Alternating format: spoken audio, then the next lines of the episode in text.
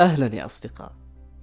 أتشرف بكم في زاويتي الصوتية بودكاست على الرف. هذه الحلقة تأتيكم بالتعاون مع شبكة محتوايز.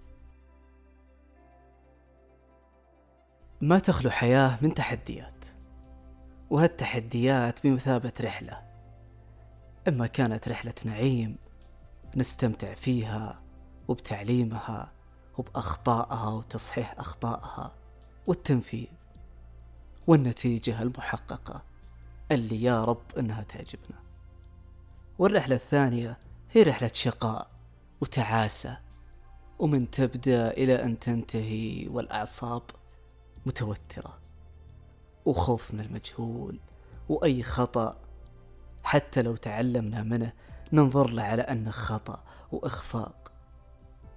وهالشي يسبب لنا عدم استحقاق وضعف بالثقة. وميزة رحلات التحديات تختلف عن أي نوع من الرحلات وأنا أعتبرها سفر سفر عبر الزمن لكن للمستقبل. رحلة التحدي قائمة على الهدوء والهدوء له مفاهيم تحقق أكبر قدر من الهدوء والطمأنينة اللي من خلالهم نقدر نتعامل مع مخاوفنا في هالرحلة ونتعامل مع الأخطاء ونتعامل مع الأفراح ونتعامل مع الإنجازات والإخفاقات. الاستمتاع برحلة التحدي ونحول أي شيء سلبي لإيجابي لو صادفنا خوف وهو أمر طبيعي. نحول الخوف هذا الشيء يحرك الإصرار فينا ويحرك الحماس فينا. لأن الخوف إذا كان غير مبرر فهو طبيعي وتقدر تجتازه. إذا كان خوف فعلا من خطأ نعدل الخطأ ونكمل المسيرة. ونستمتع أن نكتشف أشياء جديدة علينا. ونتعلم أشياء ما تعلمناها من قبل. ونكتشف مناطق مجهولة في ذواتنا في دواخلنا ما اكتشفناها من أول. كأن تكتشف الصبر مثلا القدرة على التحمل فيك. يمكن ما كانت موجودة في السابق. الموازنة في التحديات. وهالأسلوب يخلينا نميز بين التحدي الأصعب والتحدي المتوسط والأقل صعوبة بحيث أن كل نوع من الأنواع الثلاثة هذه يكون له قدره من طاقتك ومن تفكيرك ومن تخطيطك. حتى في موضوع التأجيل أو التقديم ببساطة أنك تتعامل معهم بشكل سلس. تكون أنت اللي تديرهم مو هم اللي يديرونك. لأنك تعرف متى تبدأ ومتى تنتهي ومتى تتدخل ومتى ما تتدخل. جوهر التحديات هو التوقيت وكيف نرسم الوقت الصحيح وكيف نتعامل فيه وكيف نوازن ونحقق أعلى درجة من الهدوء بحيث أن نركز على هدفنا هذا وتحدينا وبنفس الوقت نركز على حياتنا. ما نهمل جانب حياتنا ولا نهمل تحدينا هذا. فإذا ركزنا على أي كفة من الكفتين إما تكون النتيجة ضغوطات عالية وأقصد فيها ضغوطات نفسية أو اجتماعية. والثانية إذا ركزنا على الحياة فالمصير هو الفشل. إي نعم المصير هو الفشل ما في أي مجال ثاني. وعلى طاري التوقيت وأن كيف نتعامل مع التوقيت بشكل صحيح كان في دكتور بالجامعة دايم ينتقدنا بخصوص آه، الواحد يتأخر بالواجب ولا يسلم على طول. وأي تكليف وأي شيء ما يجي بوقته أو أنه يجيبه بآخر لحظة. فكان يقول لنا أنتم before one minute dot com. فعجبتني before one minute لا تكون before one minute عشان ما تتوهق وتاكلها علقة وتتلخبط كل أوراقك. كل شيء بوقته. يتحقق الهدوء والاستقرار في هالرحلة بامتلاكنا الأدوات. أي تحدي اخترناه لابد أن نمتلك أدواته حتى نتعامل معه بالشكل الصحيح.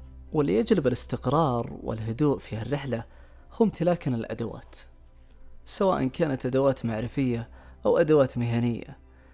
نفترض في شخص حاب يسوي محتوى على اليوتيوب ولا يمتلك أي خبرة.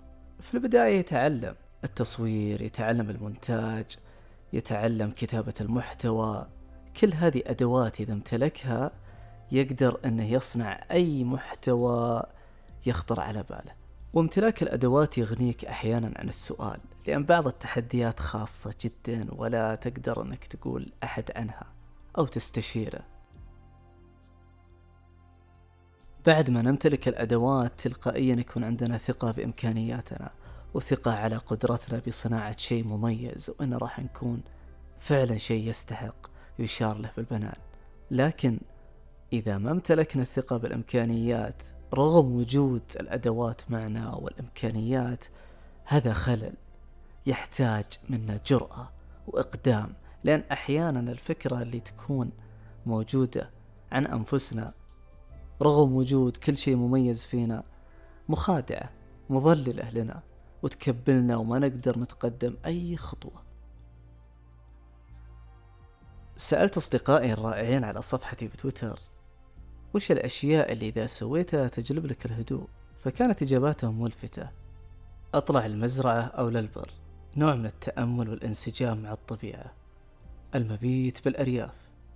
ممكن أمسك خط طويل غير محدد الوجهة أسمع فيه بودكاستي المفضل. إذا كان الهدوء المنشور ضد الانفعال غالبا تكرار كلمة اهدئي والمشي في نفس المكان إلى أن أسمع صوتي وأنا أطلب الهدوء. وأحاول تلبية طلب ذاتي بقليل من الكبرياء. أشغل السيارة وأمسك خط الحالي. كأس من الشاي. المشي مساء مع نسمات الهواء العليل والاستماع لشيء شيق ومفيد. قراءة كتاب وما شابهها التركيز بشيء مثل حل مسألة أو فك حبل أو تركيب شيء ما. نور خافت. كوب شاي. أسمع بودكاست. تركيب بازل أو تلوين. وأتمنى أن البودكاست هذا يكون على الرف. وكل شخص عنده طريقته وفلسفته بالهدوء في وقت التحديات. وهالشي دعوة مني لك إنك تكتب في خانة التعليقات وش تسوي تحديدا وقت التحدي. كيف تكون هادي أكثر؟ نبغى ننشر هالثقافة هذه وهالفكرة بيننا ونستفيد من بعضنا ونتبادل خبراتنا. من الأمور اللي تصادفنا في رحلة التحدي هو الخوف من النتيجة من الفشل من أي خطأ يصير. لكن اللي يرد على الخوف هذا هو مدى قدرتنا.